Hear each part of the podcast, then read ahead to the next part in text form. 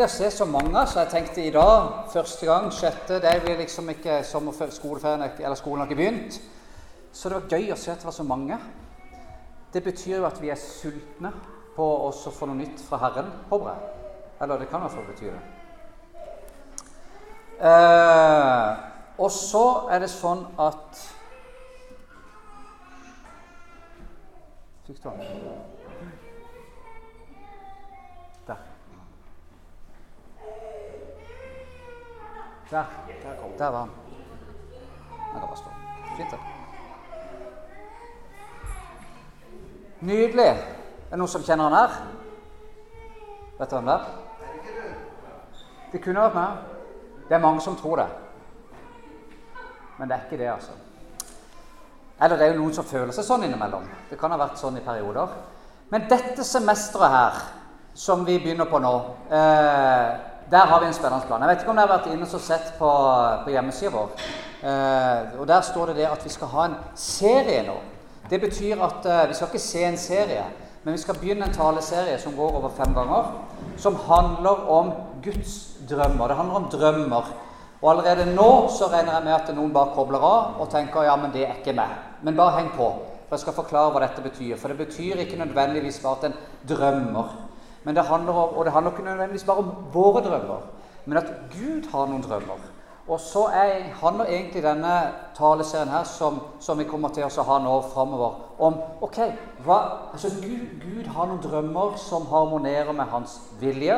Og vi vet at Guds vilje det er fred, det er kjærlighet, det er rettferdighet, det er godhet, det er tilgivelse det er noe, Vi kjenner noe om hva Guds vilje er. Og så ønsker han å gi oss noen av sine drømmer, ikke bare for at de skal bli noen drømmer som ikke blir virkelige, men for at det skal bli noen drømmer som han ønsker å virkeliggjøre gjennom oss, hver enkelt oss som menighet. Og Noen av dere skjønner hva jeg prater om nå, og noen av dere tenker kanskje tenker, dette høres fjernt ut. Dette har jeg aldri opplevd. Dette er ikke meg. Men ikke, ikke la den tanken her ikke gi den eh, grobunn. Eh, for det eh, der vil skjønne at ok, det handler noe mer om enn bare en drøm. Vi kunne sagt visjon. Og det hadde blitt enda fjernere tror jeg, for mange. Eller et mål, eller et oppdrag. Altså Det er noe av dette. Men vi velger å kalle det drøm. Eh, og dette, når jeg spurte mine barn Hva er det en husker mest altså, hva, hva, Har det noe dere har drømt som barn? Eh, og da var alle tre Ja, alle tre hadde drømt at de hadde flydd. Og det husker jeg jo at jeg drømte at jeg, når jeg var barn, så husker jeg jeg hadde en del drømmer om at når jeg fløy, at jeg heiv meg utfor en klippe. Og så før jeg liksom nådde bunnen, så flata det ut, og så fløy jeg over. Eh, alle mine hadde i hvert fall det.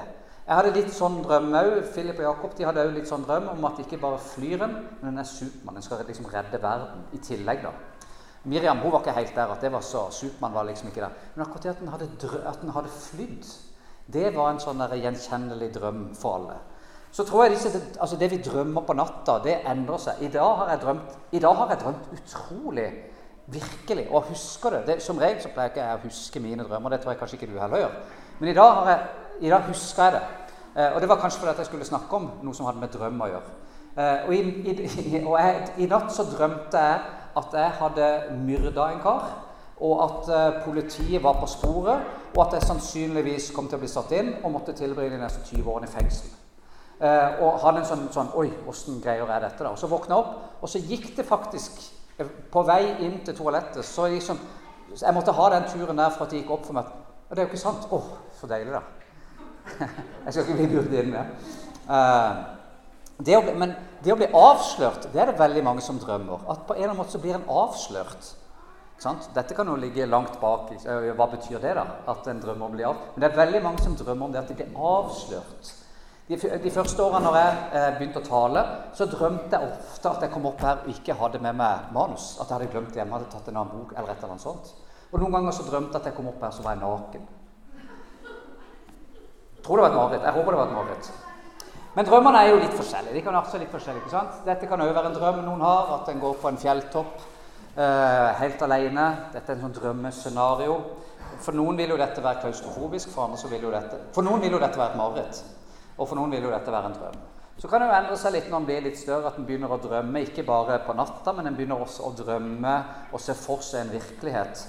hvor en får barn, og at alle barna tror på Jesus f.eks. Eller at, eh, at en får en stor familie eh, som har det godt sammen.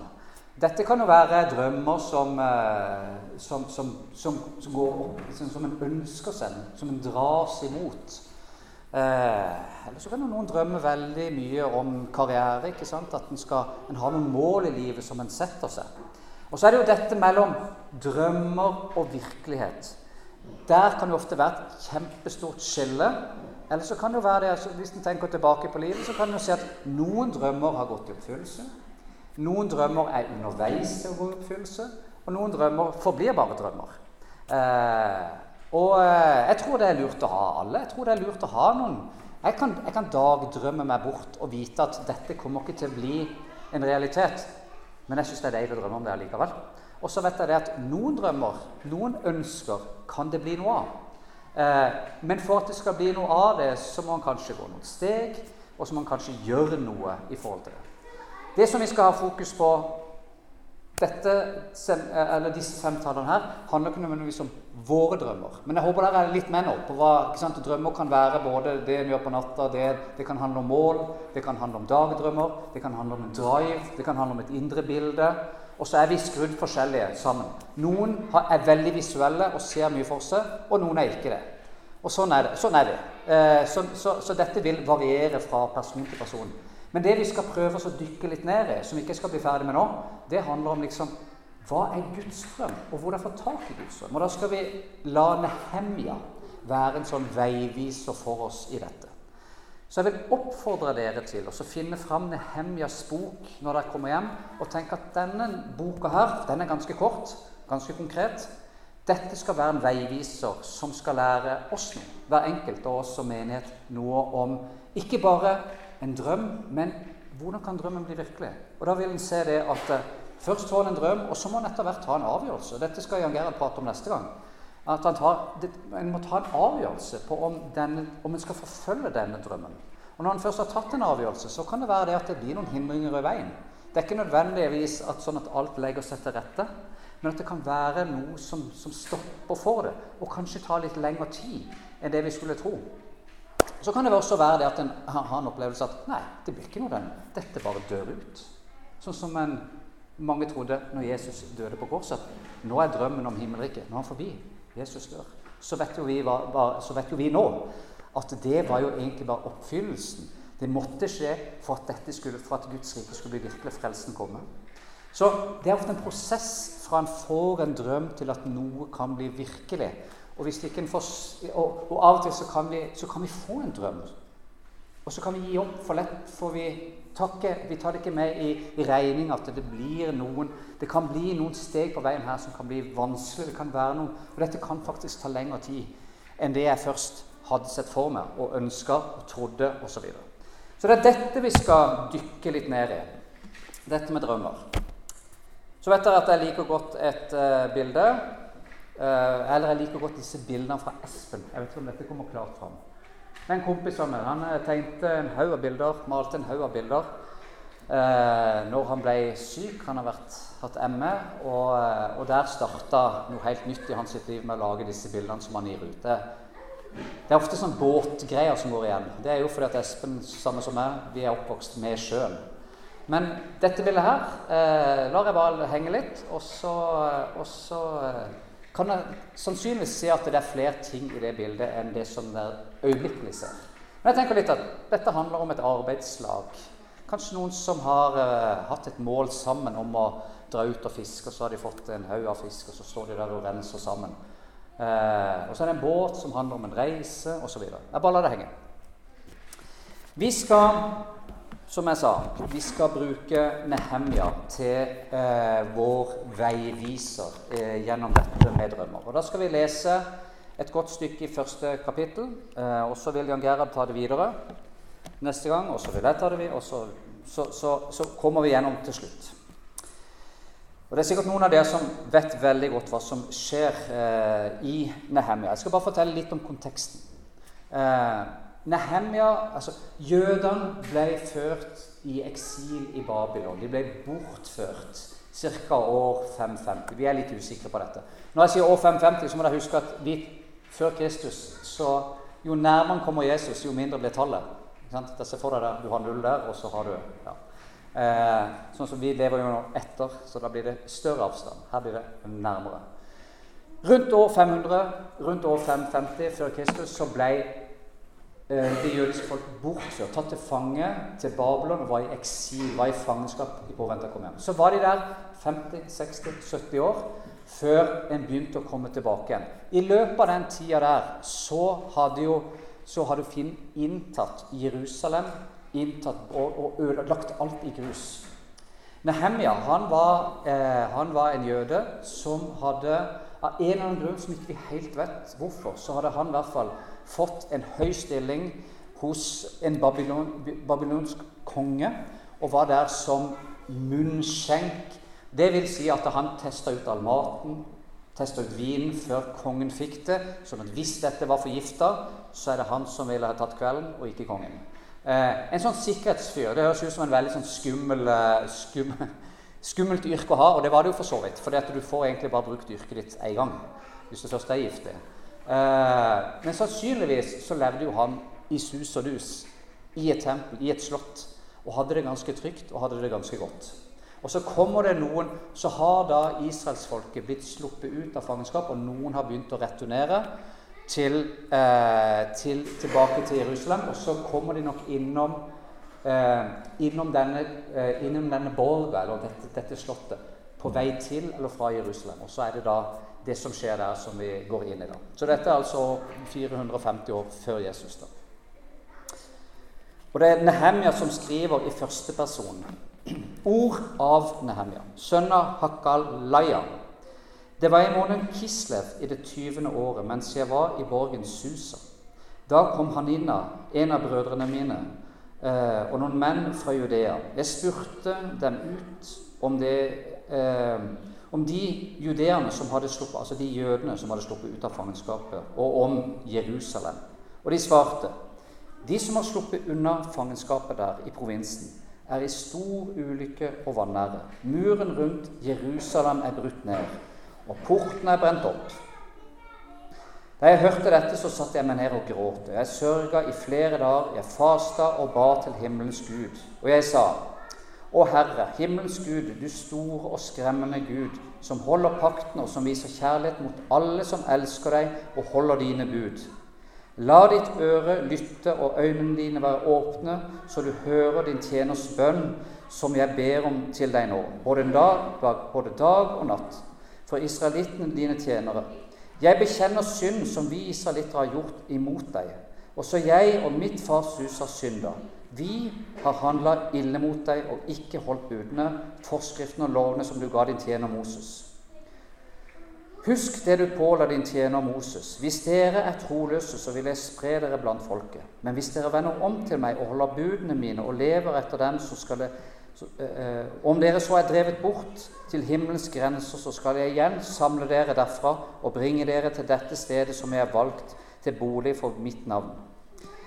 De er tjenerne dine og folket ditt, som du har fridd ut ved din store kraft og din sterke hånd. Å Herre, La øret ditt lytte til bønn fra tjenerne dine og tjenerne dine. De som gjerne vil frykte ditt navn. La tjenerne dine lykkes i dag, og la han finne barmhjertighet hos denne mannen. Da snakker han om kongen. Jeg var eh, kongens munnsjef da dette skjedde. Det er første scene som vi hører. At Nehemja Nehemia får, får besøk av noen, og så hører han om hva er det som har skjedd der. Og det Nehemia da kunne ha gjort når han hørte Dette var sannsynligvis ikke helt nytt for han, for dette hadde jo begynt å skje. Jødene hadde begynt å komme tilbake til byen. Så det var nok ikke helt nytt at, og hvordan tilstanden i Jerusalem var. Men kanskje disse som kom nå, var såpass prega at han så at det hadde gjort noe med dem. Og Når han hørte disse nyhetene, når han spurte hvordan står det til med mitt folk, hvordan står det til med Jerusalem, hvordan står det, hvordan står det til med muren rundt, ting som han kanskje var klar over, så kunne han jo ha forholdt seg veldig kald til det som var svaret, som han kanskje visste kom. Han kunne jo ha sagt ja, ja, synd. Men det er klart, dere har vendt deg bort ifra Gud. Eh, og det står i Hans ord at da vil også Gud vende seg bort ifra dere.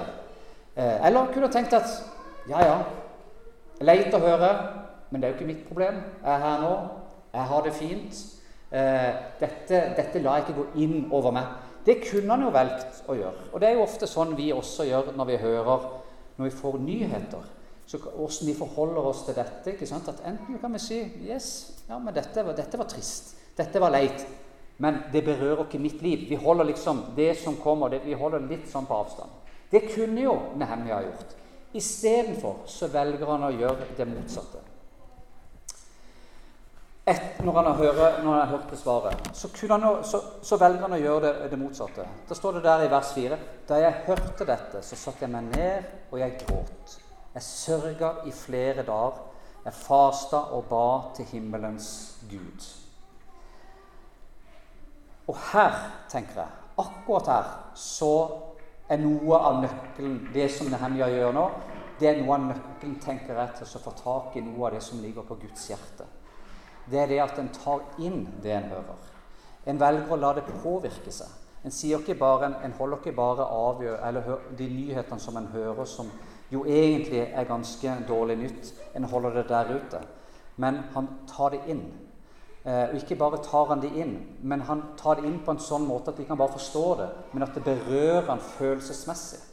Han kjenner på den sorgen som dette er. Han har nok vært i Jerusalem. Han er jo sannsynligvis oppvokst der og har gått der. Han kjenner sitt folk. Kanskje han ser for seg enda flere fjes av de som blir berørt, som har kommet tilbake. Og så setter han seg ned og gråter. For at muren og tempelet representerer noe utrolig sentralt i israelsfolkets historie. Murene rundt i Jerusalem representerer Israels styrke og Israels sikkerhet mot fiender. Og tempelet var jo, det var jo hjertet i hele Israel, hvor Gud skulle møte Hvor han har sagt at 'der skal jeg møte dere', 'der skal jeg tale til dere'.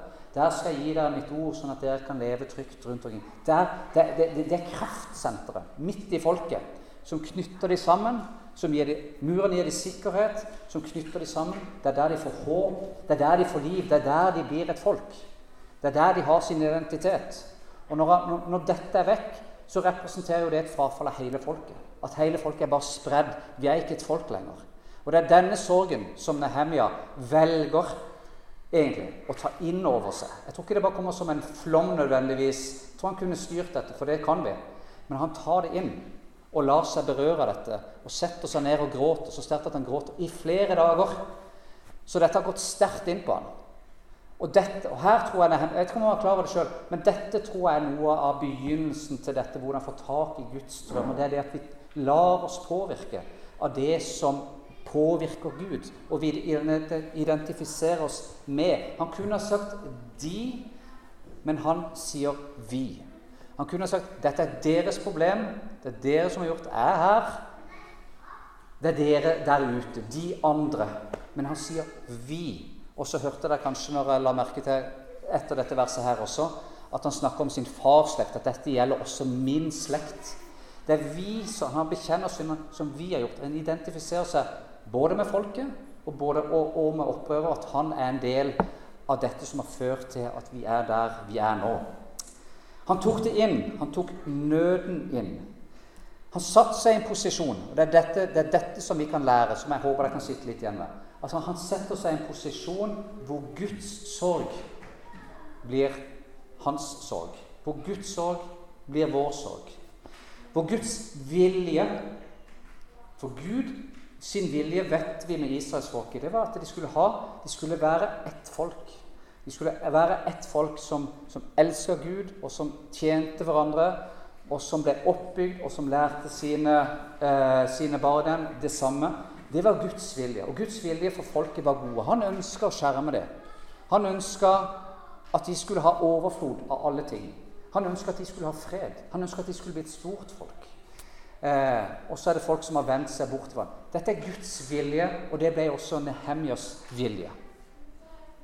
Guds handlingsønske ble også skal vi se etter hvert, Nehemjas handlingsønske.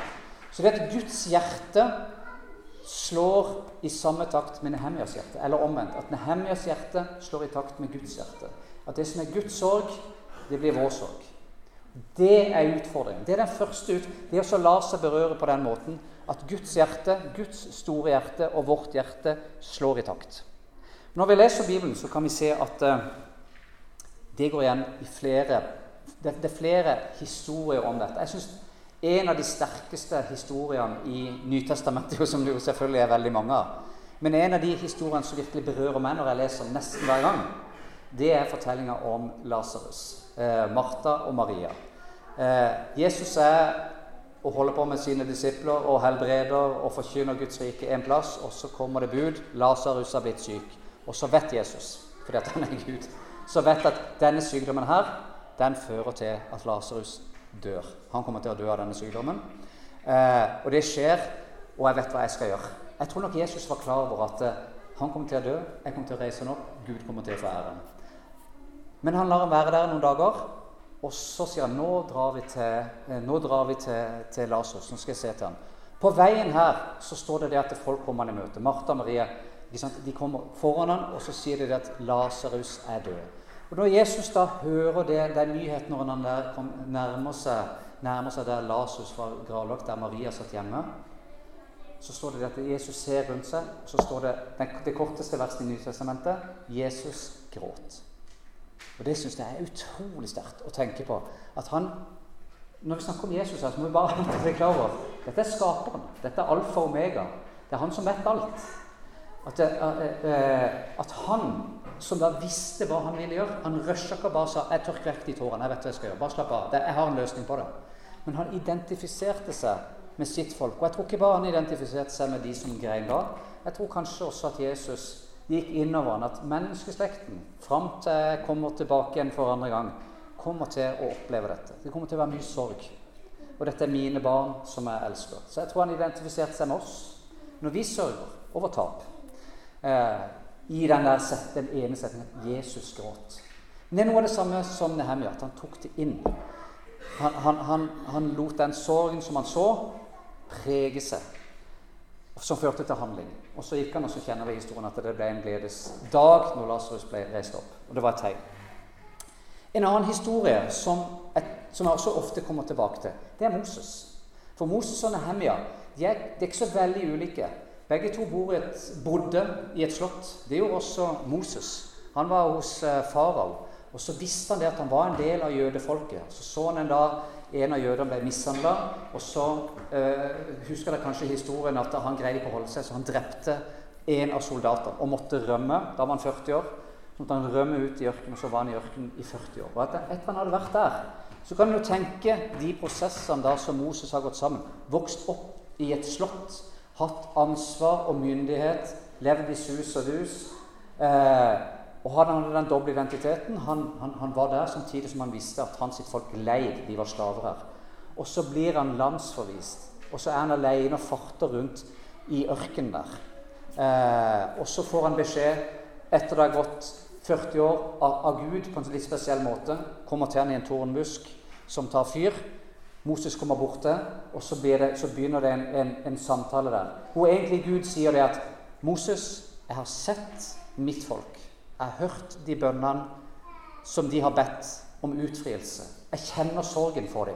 Og jeg har bestemt meg for å redde dem. Og jeg vet, Moses, at du kjenner på det samme. Jeg vet at du kjenner på akkurat det samme, for du kjente det når du var der. Og du har kjent på det siden. Og Derfor så velger jeg det. For det er til ditt hjerte, din sorg og min sorg går overens. Derfor så velger jeg deg, Moses, til å være leder for å utføre dette folket. Og så vet jo at, at når, når, Moses fikk den tiltalen, så var det jo ikke sånn at han liksom tenkte yes, dette var et steg i karrieren. Ett trinn opp, mer lønn. Moses gikk jo andre veien. Da knakk han jo helt sammen og sa hvem er jeg? Hvis jeg kommer tilbake der, som har sveket dette, så vil de jo ta meg. Og jeg kan ikke prate engang. Og så blir det en dialog der hvor, Moses, hvor, hvor, hvor Gud egentlig ikke gir seg på det. Men han sier bare 'hold det fast'. Moses, Ditt hjerte og mitt hjerte de slår i takt, og det er den sterkeste kraften. Du har sett noe. Du har kjent noe. Du har en sorg rundt dette, og denne sorgen har jeg også. Derfor så bruker jeg det. Derfor så sender jeg det, og så skal du få hjelpere på din vei til å lykkes med dette. Der blir en visjon, der blir en drøm født, kanskje på en vond måte. Noen får det på en god måte. JTB, akkurat det samme. Noe ble født i Vegard som nå blir virkelig. Ble virkelig i fjor som en valgte å handle på, som var så sterkt at en bare skjønte at her er det Guds hjerte og Vegards hjerte til å begynne med der, som slår sammen. Og så føder det til noe. Mange ting her på huset har, ble, har, har, en, har oppstått fordi at noen har kjent at yes, det ligger meg på hjertet. Speideren eller mat Uansett hva det er. Bønnemøte. Det ligger på Guds hjerte, og så, det, så, det, så, så kjenner vi mennesker, og så starter vi opp på det. Mobiliserer. I Apostelens gjerninger For når en leser i Gammeltestamentet, så kan en liksom låse ut og tenke at det var jo spesielle mennesker som fikk dette. Vi lever i åndens tid. Og av de, Noe av det første som Peter sier på pinse, da, det han refererer til en profeti som sier at når åndens tid kommer, så er det ikke bare sånn at noen få spesielt utvalgte, hellige, prektige mennesker skal få noen visjoner. Da skal alle få det. Alle skal få drømmer, alle skal få visjoner. Dette står i Apostelens gjerninger helt til å begynne med. Peters tale. Så dette er noe som jeg tenker Dette med, med å, å, å, få en drøm av Gud, en visjon av Gud, et oppdrag av Gud det er noe alle kan få, alle vi som er her. Uavhengig av fortid og framtid, uavhengig av situasjon. Jeg tror Moses, når han, når han, ble leder for folket, så var han 80 år gammel. Det kan være at han har tenkt at ok, var der i 40 år. Nå har jeg vært 40 år i ørken. Jeg er avskrevet. Jeg er avskilta. Nå skal jeg bare dingle rundt her i ørkenen til jeg tar kvelden og kommer hjem til mine fedre, forhåpentligvis.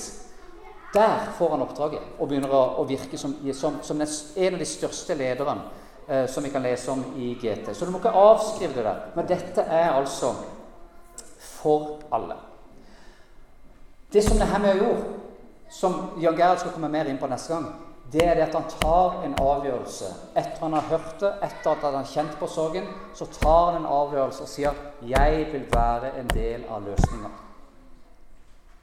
Gud, du kan bare signe meg opp er en del av løsninga. Jeg vet ikke helt hvordan det skal skje, men jeg velger å være en del av løsninga.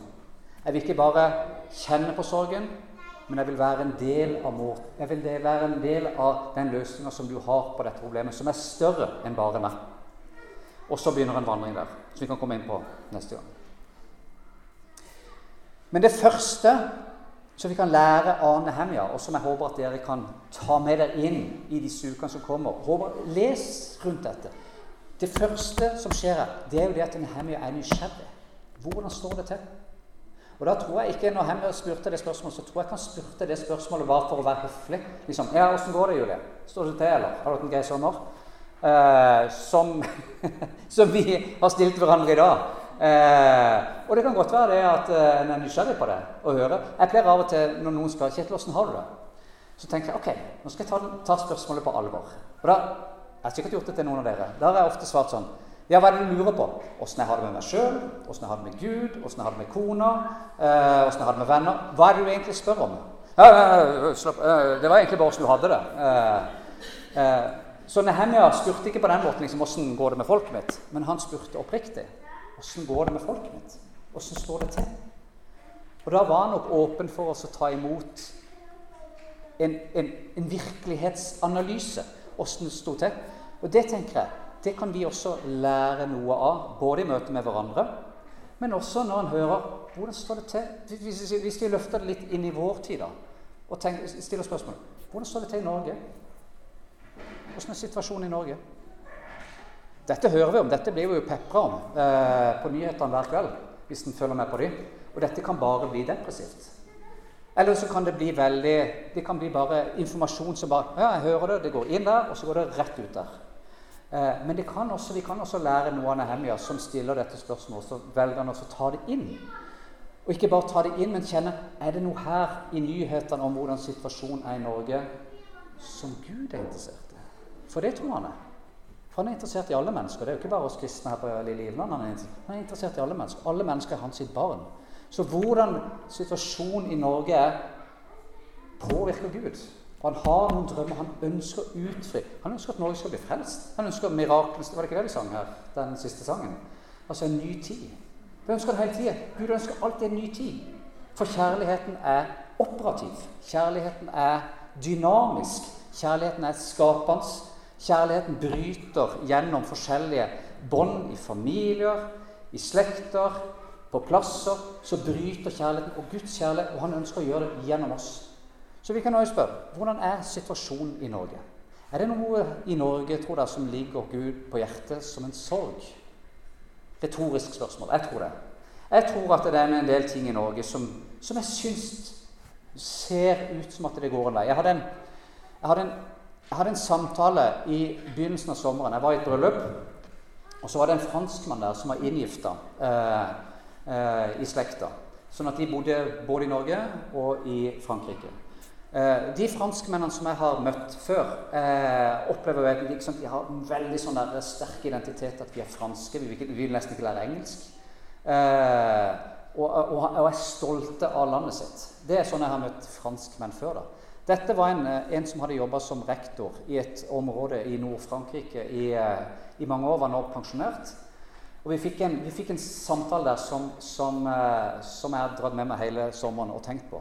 Hvor han eh, egentlig bare sier det at Nei, for jeg spurte åssen er, er, er, det i Frankrike, liksom.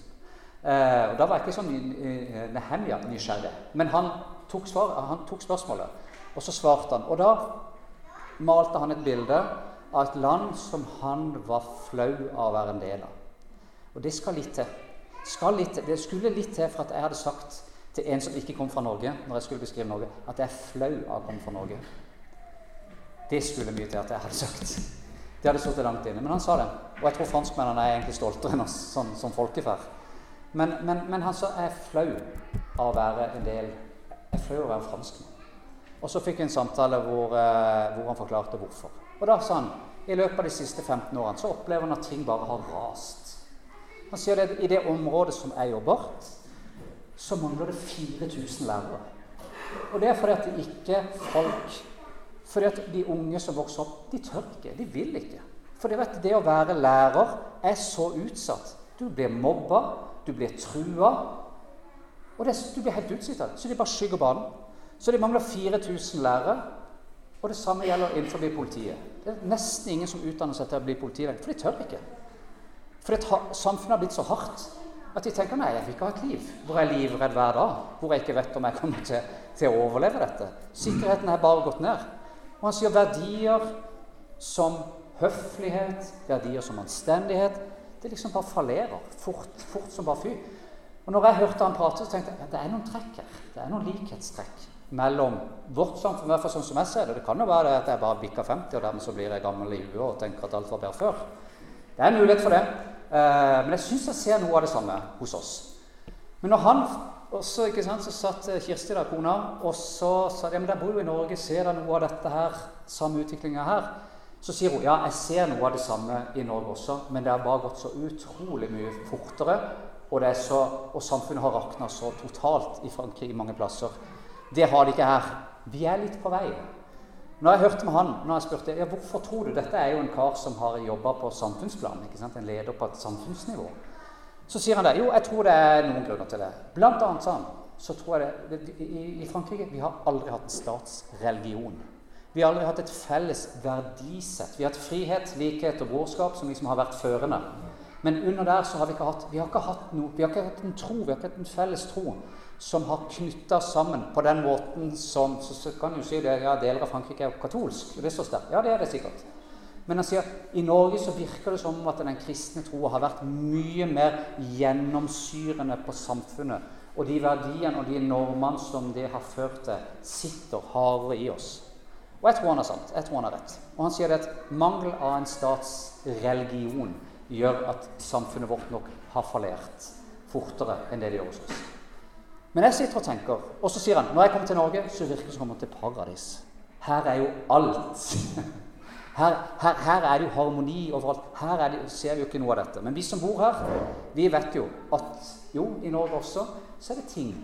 Så er det, så er, så er det noen glidninger i samfunnet som, som jeg tenker Dette tror jeg er imot Guds vilje. Vi vet at forskjellene Vi ser det. Forskjellene blir større. Selv om fattigdom i Norge ikke er så synlig som det kanskje er der og lenger ned, så er det likevel økende her. Men det er mer usynlig, for vi, vi skjuler det. Vi bor hjemme, osv. Eh, men, men, men det er helt klart at forskjellene i Norge også begynner å bli større. De som faller ut forbi, de som er fattige Hvis jeg holder Feven, jeg vet ikke om noen av dere holder Feven, Der har det vært en lang reportasje om fattigdom i Kristiansand, hvordan det har økt, og hvor folk som står fram og forteller det at Altså når, er helt vanlig, altså forstå meg rett der, for det er farlig å si vanlig. Men folk som ikke, som aldri har sett for seg, at, som gjerne er i jobb, eh, opplever også det at jeg må jo gå og hente en pose hos eh, hjelper som hjelper, og få en pose mat. For jeg strekker ikke til. Jeg har flere barn, jeg er skilt. Det går ikke. Jeg har en vanlig jobb. Jeg ruser meg ikke. Jeg drikker meg ikke. Jeg er fornuftig med penger. Men likevel så strekker jeg ikke til. Så det er jo et sånt symptom på at tenker jeg, som gir, som Feven har gitt et bilde av i Kristiansand Langt flere fattige barn, langt flere fattige familier. Dette øker. Dette øker i Norge. Jeg tenker, Det er ikke Guds vilje. For Guds vilje er likhet. At der har du mye, så spytter du inn i, i Guds vilje er ren positiv kommunisme. Vi tar alt i en sosialisme. Vi tar alt i en sekk, og så deler vi ut alle som, som, trenger det. Det er Guds drøm. Det, samfunnet skulle vært sånn i mye større grad. Men i stedet så, så går det motsatt vei. Det tror jeg kan være én ting som vi ser. Vi ser at stadig flere relasjoner blir brutt. Vi ser at relasjoner mellom generasjoner blir brutt. Avstand blir større og større. Vi ser at relasjonen mellom foreldre og barn, hvor veldig mange foreldre sier det er barneoppdragelsen, det er skolens ansvar. Saksøkerskolen. Jeg har, Min søster bor i Oslo, og der sier hun at på den skolen der så har de opplevd at foreldre har kommet med en advokat inn eh, i en konflikt fordi at de skal ta for, for hva som er skolens ansvar i forhold til barneoppdragelse og hva som er foreldrenes ansvar. Det er sykt. Jeg håper ikke vi kommer der i Ivland. Jeg håper ikke det har skjedd her. Jeg håper ikke det kommer til å skje. Men, men, men der er jo, ikke sant, når, når, jeg snakker om relasjonsbrudd, så er det ikke bare voksne som går fra hverandre. Men det er også det som gjelder som brudd mellom generasjoner i samfunnet vårt, som, som jeg syns skjer. Jeg syns vi ser stadig mer, mer rasisme. Rasisme over folk som ikke passer inn. Intoleranse. Jeg syns det vinduet blir mindre og mindre i Norge. Selv om utad så skal det være se ut som at det blir større. Jeg opplever at det blir mindre og mindre. Det er toleransevinduet, mainstream. Mener du dette, så er du innenfor. Mener du ikke dette, så blir du nesten utsatt for rasisme. Eh, og da tenker jeg Rasisme handler ikke bare om hudfarge, det handler om alt. At en tenker annerledes, er annerledes enn mainstream. Det vinduet der òg begynner å bli litt smalere. Jeg synes I Norge så ser det ut som altså, dette med kjønnsforvirring det er klart at vi, jeg opplever at det, det, og det, det påpekte han franskmann. Han sa det er én ting som ikke vi har i Frankrike, som det dere har. Dere har kommet som lokomotiv som, feil, som kjører over dette landet, som, som, handler om kjønnsforvirring blant folk, blant unge mennesker. Pride og hele den greia der. Som kommer inn, og så bare, som, som bare velter inn her. Og, og, og, røsker opp i ting som som, som, som, eh, som, som vi har ansett som helt normalt.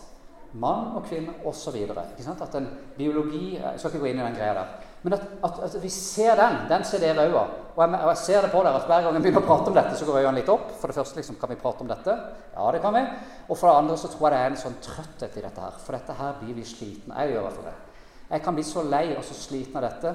Men at dette er en sånn greie som, som, som kjøres over, som jeg tenker dette er ikke Guds vilje. altså disse, alle disse tingene som handler om forskjell på fattig og rik, rasisme, kjønnsforvirring, aborter Vi har 11 000-12 000 aborter i Norge hvert år. Hvis vi tar det der litt inn over, hva tenker Gud om dette? Og så skal vi inn i diskusjon ja, dette er vanskelig, osv. Men allikevel, vi lever i et land som har en sånn lovbestemmelse rundt dette. Har Gud noe å si her? Har Gud noe sorg over vårt land som han som han ønsker å gjøre noe med. Og kan vi være en del av løsningen her på en positiv måte? Så kan vi snevre bildet enda litt mer inn. For Norge kan en forholde seg til litt sånn distansert. Så kan en spørre ja, hvordan står det til i da? Det er et ubehagelig nært spørsmål. Hvordan står det til i Iveland? Så kan en jo si det. Ja, det jeg ser, det er jo det at i Iveland så ser det ut som alle har det greit. Alle har det bra. Så vet vi jo det at det er jo hvis den hele tida og alltid bare er i sammenheng, og hvis den bare er sammen med folk andre som har det godt, som har på en måte ting på stell Der skjønner uttrykket. Så kan det se sånn ut. Men vi vet jo at, eh, vi at ut ifra det skolen sier, vi vet ut ifra levekårsstatistikker, så er jo ikke det tilfellet her. Giveland er den, jeg har sagt det før, jeg skal ikke mase om det, men vi ligger på landsbunnen når det gjelder utenforskap. 31% i arbeidsfør alder er ikke i arbeid i Giveland. Så kan du si at det er ikke så mange, for vi er ikke så mange. Nei, det er sant. Men landsgjennomsnittet er jo på 10% 9-10 Så vi ligger helt nederst. Det er bare én kommune som ligger lavere enn oss. Og Det kan jo si noe om en nå-situasjon, men det kan jo også si noe om at det er Har det skjedd noe i Iveland som gjør at dette skjer? Som er det større bildet, at ting henger litt sammen? At ikke det bare er så enkelt eh, at, at svaret er ikke bare Det er ikke bare én ting som har ført til det, men det er flere ting i vår kultur her som gjør at ting går ifra hverandre. At folk går fra hverandre. At det er mer rus, at det er mer utenforskap. Altså, skjer det noe i Iveland fordi at vi har latt det skje over for lang tid, som henger sammen eh, som henger sammen, sånn at det, det som Jesus prater om som en surdeig, får lov til å gjennomsyre større deler av samfunnet. Det kan være det. Jeg tror at det har skjedd. Og da er jo, Hvis det er noe av bildet, så er jo, så er jo vår utfordring da For det første ikke å finne løsninger i dag, for det er ikke det jeg vil utfordre oss på. Men det er rett og slett å bare la det synke inn, sånn som Nehemia gjorde. Høre det. Ikke bare høre det, men kanskje undersøke litt. Se litt på nett. Google litt. Hvordan står det til i Ivland? Hvordan er situasjonen i Ivland? Er det noen fattige barn her? Er det, er det mange som går fra hverandre? Ja, kanskje kan jeg bli en del av løsningen. Det er ikke sikkert en ser det med en gang, men at en tar den bestemmelsen at Yes, jeg ønsker å være en del Jeg tar det inn, og jeg ønsker å være en del av løsningen. Hvis, hvis, hvis, hvis jeg åpner deg for den, at jeg tar det inn og blir en del Det, ta det, det er enkelt å ikke ta det inn. Jeg tenker det at eh, jeg har ofte og sett på Dagsrevyen. Eller jeg har sett på filmer. De, de, siste som jeg har switcha over. Vi har den switche-greia. jeg har sett når jeg har sett på filmer, sånn som i går, så på Rocky 2. Fantastisk eh, intellektuell film. Men utrolig bra avslutning. Har dere sett Rocky 2? Nei, dette er, jo, dette er litt sidespor, for å si det sånn. Litt sidespor. Nei, dere bør se Rocky. Det er jo en del av vår felles kulturarv, tenker jeg. Men, men uh, under, midt under Rocky-filmen så kommer det reklame. Da kommer bl.a. denne fra, fra, Redd Barna eller Plan Norge. Jeg husker ikke helt hva det er. Uh, og da pleier jeg å switche over. For jo, jeg sitter der og koser meg med min chips og cola, og så kommer det ikke sant, Du kan med 50 kroner i uka redde et barn, og så er det Eh, så er det filmsnutter av barn der som, som lider, som er syke osv. Da switcher jeg ofte over. Så tenkte jeg at jeg holder på med dette, nå skal jeg være i dette. Og det er klart at Hvis du er i det, hvis du tør, hvis du bare lar hvis ikke du switcher vekk, og la de der scenene der, så gjør det noe med oss. Og så kan det gjøre noe med oss i to minutter, men det kan, det kan berøre oss såpass mye at vi tar noen bestemmelser på at jeg vil være en del av denne løsninga. Og der, i den sammenheng, så kan jo det være enkelt. Det kan jo være vips noen penger. Men det kan jo være andre ting. Det kan jo være ting som du ser her i Giveland som er som er mye nærmere, og som en kan gjøre noe med. Så utfordringa Det som jeg ønsker at vi skal utfordre oss på, det som er hjemmelekser Det er les Nehemjas bok. Men still deg disse spørsmålene. Hvordan er situasjonen rett rundt meg? Hvordan er situasjonen i min familie?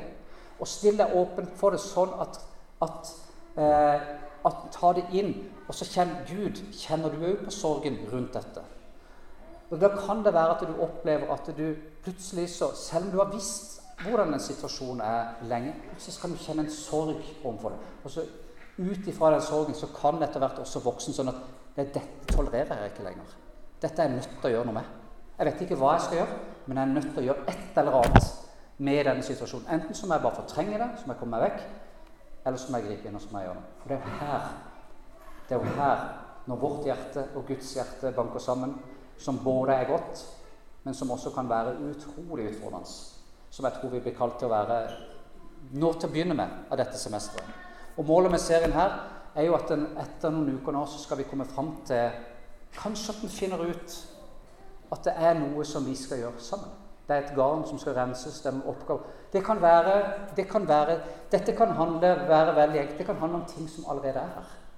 Det kan være om ok, en finner ut dette med barn. Det har virkelig gått inn på meg. Iblant er det mange barn som sliter med sånn. Jeg engasjerer meg i Fredagsklubben. Jeg blir med i Speideren. Ting som allerede er. Trenger ikke å være noe nytt. Eh, vi starta med å gi mat til et, en håndfull mennesker, familier. Nå er det oppe i, vel i fem håndfull mennesker. Eh, og vi vet at statistisk så er det bare halvparten av folkene som trenger det i Givna. Så det kan være ting i menigheten her som du kan være med på. Det er et arbeidslag som du kjenner at Yes, der. Eller så kan det være noe helt nytt. Og hvis det er noe helt nytt, så henger det ofte sammen med vi. Vi. At, altså, når jeg sier vi, resten av menigheten. Som regel ikke bare en satellitt, men at det henger sammen. Sånn at løsninga fins i fellesskapet, og ikke bare der alene. Det er jo det som er det sterke med og det fantastiske med å være en del av det. En kan kjenne på det, og så vet at jeg kan gjøre, jeg kan gjøre dette. Men det dette oppdraget trengs, det er jo så mye mer. Ja, men vi er jo en, Da er vi jo en familie. Da er vi jo flere som kan være med og så dra lasset sammen, dra inn garnet sammen. Og få det igjen. Og så kan en gjøre det som en kjenner på og en brenner for. Så det er målet tenker jeg igjen denne, denne serien her. Det er ikke sikkert at, det, at alle på en måte finner ut av hva dette er, men, men at, det, at noen kanskje finner ut Yes. Eller det kan handle om egen familie. At dette kjenner en sorg for, og dette tror jeg Gud også kjenner. Dette er ikke riktig. Dette er ikke sant. Dette er ikke godt. Det kan handle om at vi som foreldre sier Jeg tror Gud har en større drøm for hvordan jeg skal være som far, enn det jeg er nå. Jeg jobber for mye. Jeg jobber for lite. Eh, jeg skal ta mer ansvar i hjemme. Det kan være, ikke sant? Det kan være på det planet. Dette vet Gud. Og det kan være det at, eh, at nå så foregår det noe inni der. At noen begynner å se noe allerede nå, kjenne på noe. For jeg tror at alle menn Jeg tror at, at Gud har et kall, en oppgave, en plan for absolutt alle mennesker. Uansett. Det er ikke noen som er ekskludert fra den sier det, som handler om hans gode vilje i sitt eget liv, men også for andre. For kjærlighet er ikke bare til meg, det er til, også til deg. Det er ikke bare et jeg, men det er et vi i Bibelen. Så utfordringen er tør å stille spørsmål. Åssen er egentlig situasjonen? Åssen er egentlig situasjonen i Ibland? Ta det inn. Be over det. Kjenn Gud. Har du en sorg for dette? Og hvis du har det, kan jeg fordele den? Og så skal vi prøve å finne løsning sammen. At løsninga modnes modnes frem sammen. Jeg vet at det er noen som sitter her som dirrer, som har hatt noe For jeg kan se hvem som er her. Jeg vet at noen av dere har noe på hjertet som ligger der, som dere har kjent på lenge, og som er plagsomt, som en ikke kommer ut av, som stadig vekk kommer, men en er ikke der at det har blitt en løsning på det. Det kan se litt svart ut. Det vet jeg, for det kan jeg se. Jeg kjenner, jeg kjenner, mange såpass godt her at jeg vet at det lever i noen. Kanskje i løpet av dette semesteret nå at det, her kan jeg se løsninga er litt annerledes. Men løsninga er sammen, og løsninga er her. Og så utvides Guds rike. Kjære Jesus, jeg takker deg for at du er midt iblant oss. Og jeg takker deg her for at du er vår løsning. At du har frelst alle som, alle som er her. Alle vi som tror på deg, Jesus, har du frelst. Og vi takker deg, Jesus, for at du har gitt oss din Hellige Ånd og at du ønsker å gi oss drømmer, visjoner, mål, lengsler som er i samsvar med din vilje. Som er i samsvar med din, ditt hjerte. Og jeg ber deg, Herre, om at du må tale til oss gjennom dette første delen av dette semesteret, Herre. Ikke bare tale til oss og legge ting på hjertet vårt, men få det til å bli en virkelighet, Herre. Sørge for at vi går denne prosessen, at vi går denne prosessen sammen Sånn at ikke det bare blir en drøm og forblir med det, og at det fører til dårlige ting. Men at det fører til en virkelighet, fører til at det skjer noe rundt som ligger der på hjertet. Og Vi ber her om at i denne, disse to ukene som kommer Jeg ber for alle oss at vi må tørre, at du må gi oss mot til å stille spørsmålet hvordan står det egentlig til? I familien, i nabolaget, på Iveland. Og kjenne på ditt hjerte, Herre. Kjenne på din sorg over det som er vondt der og vanskelig, og bli en del av det som du ønsker å gjøre, nemlig reise opp ditt rike, midt iblant oss. Vi vet her at du ønsker fred, du ønsker latter og glede, du ønsker godhet. Du ønsker å gjøre det gjennom oss, Herre, som er ditt folk. Og det takker vi deg at du har gitt oss det privilegiet å få lov til å være i tjeneste for deg, være en del av løsninga, Herre være en del av å gjøre denne bygda enda bedre. Være med og ta, ta tak i det som ikke er så bra her, på forskjellig vis, og gjøre det enda bedre. Og Vi ber Herre om at sånn som Julie og Salve sang, at det skal bli at mirakler skal skje. Vi ber om at det må skje her i dette semesteret. At mirakler skjer mellom oss. At mennesker får nytt mot At vi ser din kraft på forskjellig vis, også med at mennesker blir helbreda. Konkrete mirakler, Herre. Alle som er syke, Jesus. Takk for at du er her, Jesus. Takk for at din helbredelse er tegn på at du er midt iblant oss. Vi trenger alle helbredelse på forskjellig vis. Noen trenger det fysisk, noen trenger det følelsesmessig. Vi bare ber deg her om at vi må se dine mirakler. Og det er bare du som kan gjøre det. Vi kan ikke gjøre noen ting her. Derfor skal du også ha all ære for alt som skjer blant oss.